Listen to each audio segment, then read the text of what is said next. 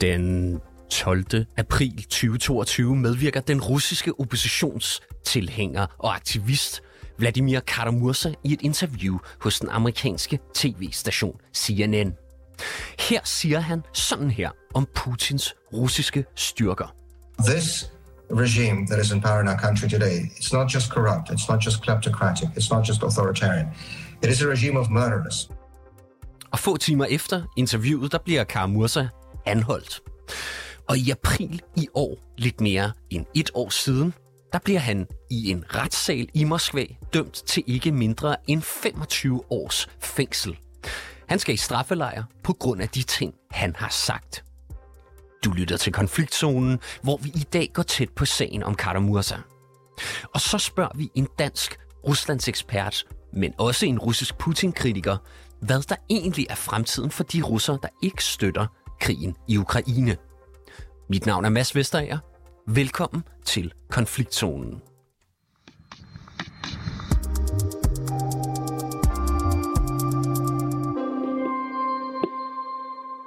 Mette Skak, velkommen til programmet. Ja, øh, tak skal du have, og godmorgen.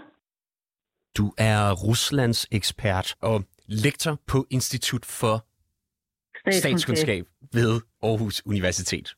Præcis. Og vi skal sammen se nærmere på sagen om Vladimir Karamursa, der som sagt er blevet idømt 25 års fængsel for landsforræderi. Ifølge russerne så har han spredt falske oplysninger om Ruslands krig mod Ukraine, og desuden arbejdet for, at øh, de russiske det de russiske myndigheder de kalder for en uønsket organisation. Prøv lige at forklare os her, hvad er det, der menes med de her formuleringer? Altså, hvad er det, de siger, Karamursa har gjort? Jo, det med de falske oplysninger om det russiske militær, øh, det er jo sådan, at øh, siden Putin overfaldt Ukraine den 24. februar 2022, øh, så har det ifølge russisk lovgivning været forbudt og altså forbundet med strafansvar og som det formuleres, at vandære den russiske her. Øh, og øh, øh, det, det gør jo så, at øh, når han kritiserer krigen i Ukraine, jamen så øh, er, står han jo simpelthen øh, efter russisk lov til så og så mange år i skyggen, og det er jo en helt uhyrlig dom, altså 25 år øh, i fængsel og ovenikøbet i fangelejre under det strenge, øh, strengeste regime. Øh, det er jo vanvittigt, øh, og øh, så er det det med at øh, tilhøre, øh, hvad var det du sagde, en, en fjendtlig organisation. Altså det går jo på, at man i Rusland øh, for længst helt tilbage i 2012 indførte en lovgivning, øh, der forbød øh, fremmede agenters virksomhed, og det vil sige også organisationer, som får penge fra udlandet.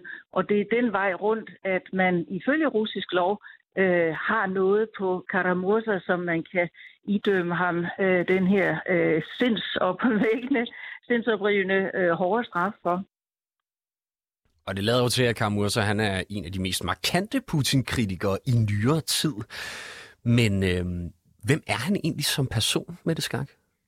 Ja, altså, hans efternavn, det lyder øh, for os at høre ikke så russisk. Øh, vi er vant til, at det er noget med Vladimirovich eller øh, noget helt andet. Øh, Karamurza, øh, det er i virkeligheden et øh, tatarisk, altså sådan en, en slags øh, tyrkisk efternavn. Direkte oversat, øh, så betyder det øh, mørkets fyrste.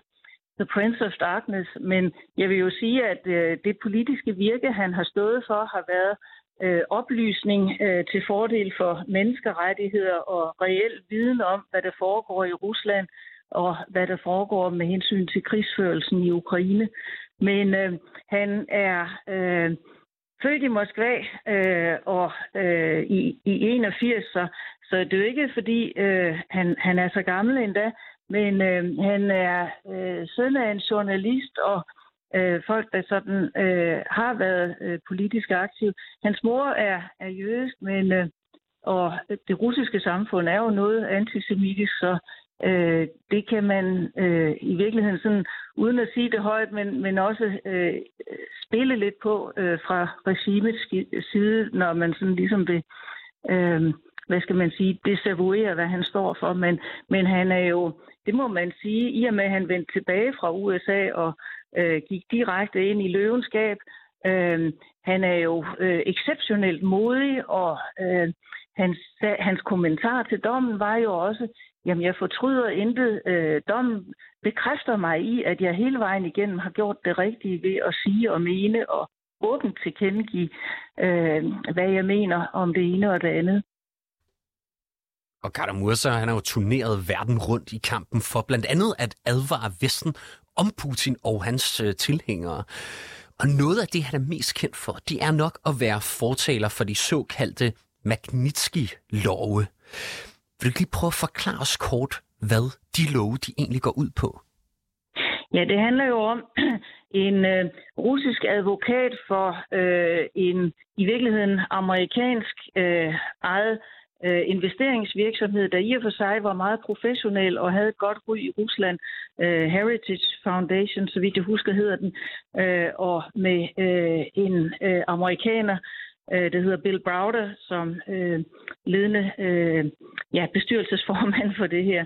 Øh, de øh, kom i økonomiske vanskeligheder, altså kom i, i klins med de øh, russiske øh, skattemyndigheder osv. for adskillige år siden, og øh, det var øh, tydeligvis øh, en, en fingeret sag fra russisk side, og øh, den advokat, der så øh, skulle optræde på vegne af øh, Bill Browders øh, fond der, øh, Sergej Magnitsky, øh, han blev idømt en øh, fængselsstraf, og mens han var øh, varetægtsfængslet, som jeg forstår det, øh, så øh, omkom han. Og øh, alt tyder på, at øh, det ikke var øh, en naturlig død, han led. Øh, og derfor så øh, øh, bagefter så satte Bill Browder sig i spidsen for, at øh, det her øh, det skulle ikke pågå ustraffet. Øh, blandt andet så er der jo en dommer, der var med til at på vegne af, af Kreml øh, domfælde øh, eller sørge for at øh, varetægtsfængsle og øh, uskadeliggøre Magnitsky. Så øh, med øh, Magnitsky-lovene, som så blev indført i USA, der har man forsøgt at kompensere for det, der er billedet i Rusland, nemlig at øh, navnlig staten og øh, de øh, korrupte embedsmænd og øh, korrupte dommer og politifolk osv., at øh, de kan i virkeligheden slippe afsted med hvad som helst, så længe de handler i statens interesse. Altså det med, at forbrydelser er ustraffet. Øh, der kan man sige, at øh, Magnitsky-loven var sådan et første forsøg på at gøre op med det der, at øh, man kan slippe afsted med hvad som helst i Rusland, fordi Magnitsky-lovene, de virker jo så på den måde, at øh, de folk, der sidder højt på strå i Rusland, og som har store økonomiske interesser i udlandet, altså de kan besidde ejendomme i London eller eje lystjagter, hvad ved jeg, øh, deres børn kan gå på smarte universiteter i USA. Ja. Det bliver der så lige pludselig sat en stopper for. Så på udebane, der er man ikke længere ustraffet, hvis man gør noget grimt i Rusland. Det er sådan set essensen i det, sådan vil jeg fortolke den. Men altså, de konkrete teknikaliteter og hvad for nogle lande, der har tilsluttet sig osv., øh, det vil jeg ikke love, at jeg har helt styr på. Og Karamursa, det lykkedes jo faktisk for ham sådan hen ad vejen øh, med sin mission, fordi i 2012 der indførte flere lande, blandt andet USA, som i mange år har været hjemland for Karamursa og hans familie, nemlig en Magnitsky-lov. Men hvis vi spoler tiden frem til 2015 og 2017, så påstår han selv, at han bliver forgiftet af to omgange. Begge gange der er han angiveligt tæt ved at dø. Prøv lige at høre, hvad han siger efterfølgende. I have no doubt that this was an attempt to kill. If it's a 5% chance to survive, that's not how you send a message. That's how you try to kill someone. And I have no doubt that this was uh, a response to my political activities in the Russian opposition. I think more specifically in response to my work on the Magnitsky Act. Ja, som vi hører her i klippet, så er Karl Mursa slet ikke i tvivl om, at det er den russiske regering, der står bag. Har han ret i det, Mette Skak? Jeg vil sige, det er helt overvejende sandsynligt, at han har ret i det, fordi vi kender jo til andre lignende tilfælde. Et fortilfælde, det var forgiftningen af Litvinenko i London i Storbritannien, altså en tidligere russisk FSB-agent, der var blevet Putin-kritiker, Øh, han fik øh, noget øh, uranium, øh, plutonium 222, øh, i sin te øh, i London, øh, og øh, det døde han senere en meget smertefuld og ubehagelig død af. Øh, og så var der jo øh, attentatforsøget mod Navalny, øh, hvor man brugte Novichok, øh, altså, og det blev jo øh, eftersporet optrævlet af øh, Navalny's folk selv øh, konkret, hvordan det var foregået, og netop med FSB's involvering. Så jeg vil sige, det er for 99 procents vedkommende sandsynligt, at øh, Karamurza har ret i, at regimet stod bag. Og i marts 2022, da krigen den øh, bryder ud, så besøger Vladimir Karamurza øh, blandt andet USA, og her der ytrer han flere gange stor kritik af den russiske invasion af Ukraine. Invasionen, som Putin kalder for en militær specialoperation. Og derefter der vender han tilbage til Rusland. Og med det skak, jeg kunne godt tænke mig at spørge dig kort her. Hvorfor vender han tilbage til Rusland, når han netop har ytret så stor kritik af styret, øh, der slår hårdt ned på kritikere? Ja, så det kan jeg jo ikke vide sådan helt med 100% sikkerhed, fordi øh, jeg kender jo ikke hans motiver direkte. Men øh, jeg vil tolke hans øh, motiv sådan, at han ligesom Navalny har tænkt, at hvis jeg skal tages alvorligt som oppositionspolitiker øh, hjemme i Rusland, så skal jeg faktisk hjem til Rusland. Øh, og øh, det bliver måske så med livet som indsats, ligesom det var øh, i 2015 og videre.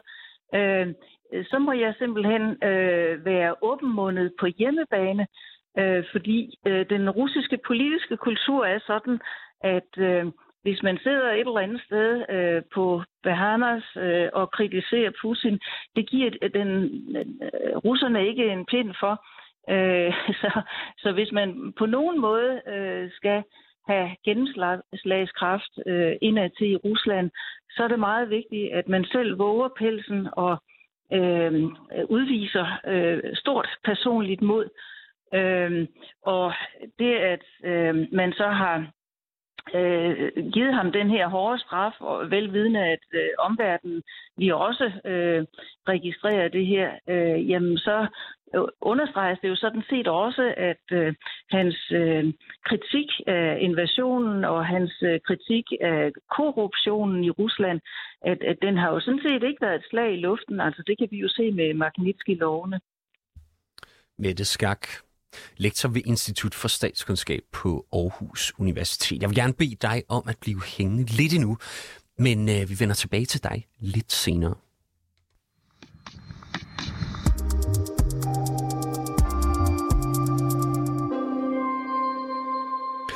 For nu skal vi nemlig lige høre fra den russiske systemkritiker øh, Vyacheslav Bakhmin.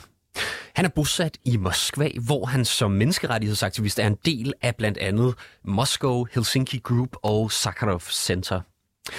Og jeg spurgte ham tidligere, hvad han tænker om fængslingen af Vladimir Karamurza. I think that for all uh, people who have uh, some conscience, they, it's it's a very drastic uh, sentence. Uh, and it's even in, incomparable with any other sentences we already faced during uh, last year and the almost half of this year. So uh, we are all were stunned uh, by this sentence. It's awful. And according to the Russian human rights organization OVD Info, more than 500 Russians have had criminal cases opened against them since the 24th of February last year for criticizing the war in Ukraine. What do you think about this number of uh, of criminal cases? uh, it could be even more because our legislation now changed so much that, uh, and it's, it's so uncertain. Uh, it, it means that anybody can be uh, accused uh, in the violation of uh, law. Uh, it means that uh, everybody can be sentenced to prison or to detention. And what is the status for the organizations that you are a part of? both organizations are now closing down by the uh, by the authorities. Uh, Moscow Helsinki group, we have already the sentence of uh, of the court, and uh, in in a week we'll try to to reconsider this decision by the court of higher level. Uh, and uh, of course, uh, we have no hope that uh, the sentence will be as it is now. Uh, for the Sakharov Center, uh, we are all uh, deprived our buildings because both buildings are belongs to Moscow government, and now the status of foreign agent uh, pre prevent uh, to any assistance from the officials to those organizations. So we are all deprived of two buildings we have uh, where the a lot of uh, public events took place during the last uh, 20 years. Uh, now we are we can't do it, and at the same time we're now on the inspection of Ministry of Justice, uh, and we know uh, how it ends, so inspect, uh, such inspections. Uh, we think that uh, in the end of this month, we also will be closed down uh, and the uh, Minister of Justice will address to the court to, to stop our activity officially. So do you think that the oppression of critics is worse now than it was before in Russia? Certainly, certainly. Every uh, every month we see the new uh, uh, new examples of such oppression uh, and the legislation becoming more harder every every month. Uh, new initiatives from our deputies of State Duma uh, uh, were becoming uh, supported by by this parliament and uh, at the end we are now living uh, in the world where the uh, we are full of red lines we can't we shouldn't cross otherwise we'll be punished. So the situation is um, very very hard and uncertain. So we can expect, everybody can expect that it will be, uh, he, he, or she will be punished uh, for their activity. We can't even uh, mention what is going on in Ukraine uh, uh, because uh, only official information is valid. any other views would be suppressed by government and uh, people would be accused uh, for the violation of law. So look, that's life now uh, in Russia. You are currently in Moscow yourself. Yeah. You're an open critic of the Russian government. Do you ever consider leaving Russia?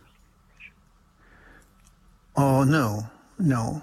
Uh, being in Soviet Union uh, many years ago, uh, I, I, was uh, also uh, could uh, emigrate, but I didn't it because Russia is my country and I'm feeling that I can't leave the country where I was born and where a lot of my friends.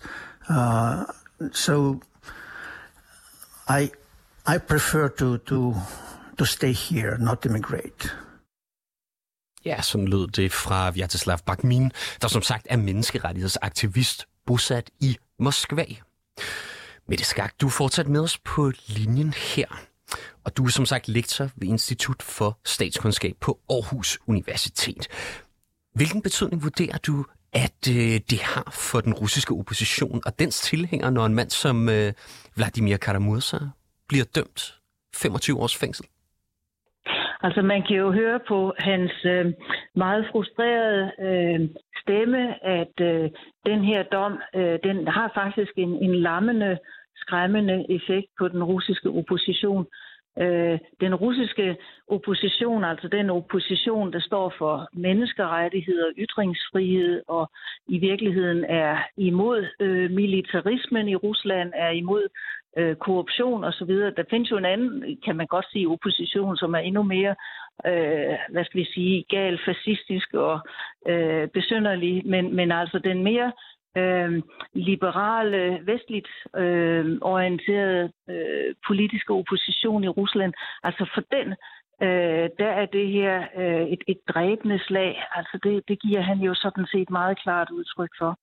Ham her fra øh, Moskvas øh, Helsinki-komité og Sakharov-centret.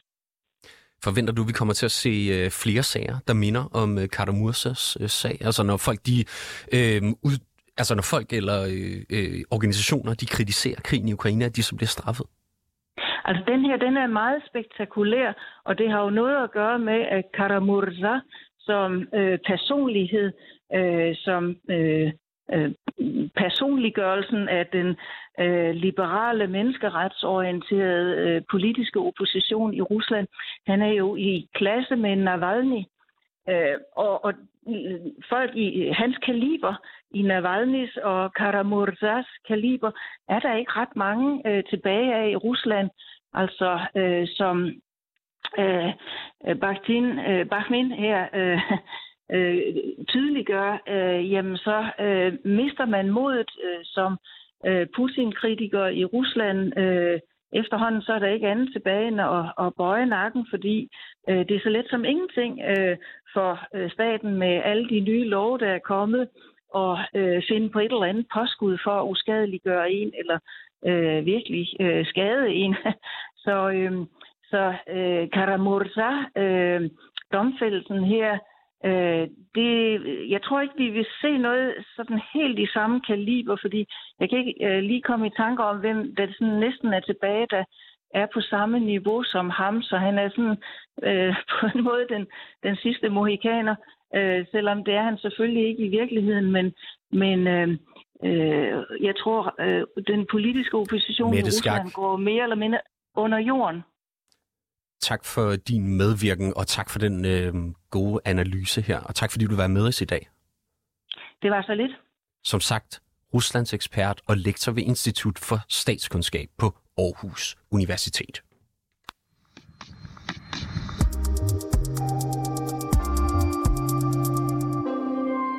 Du har lyttet til dagens afsnit af Konfliktzonen 24 udenrigsmagasin. Mit navn er som sagt Mads Vesterager, og holdet bag programmet, det er Kirstine Mosin og Sofie Ørts. Produceren i regien, han hedder Oscar Chauffeur. Du kan lytte til programmet direkte mandag til torsdag fra 8 til 8.30, men du kan selvfølgelig også høre programmet som podcast. Tak fordi du lyttede med.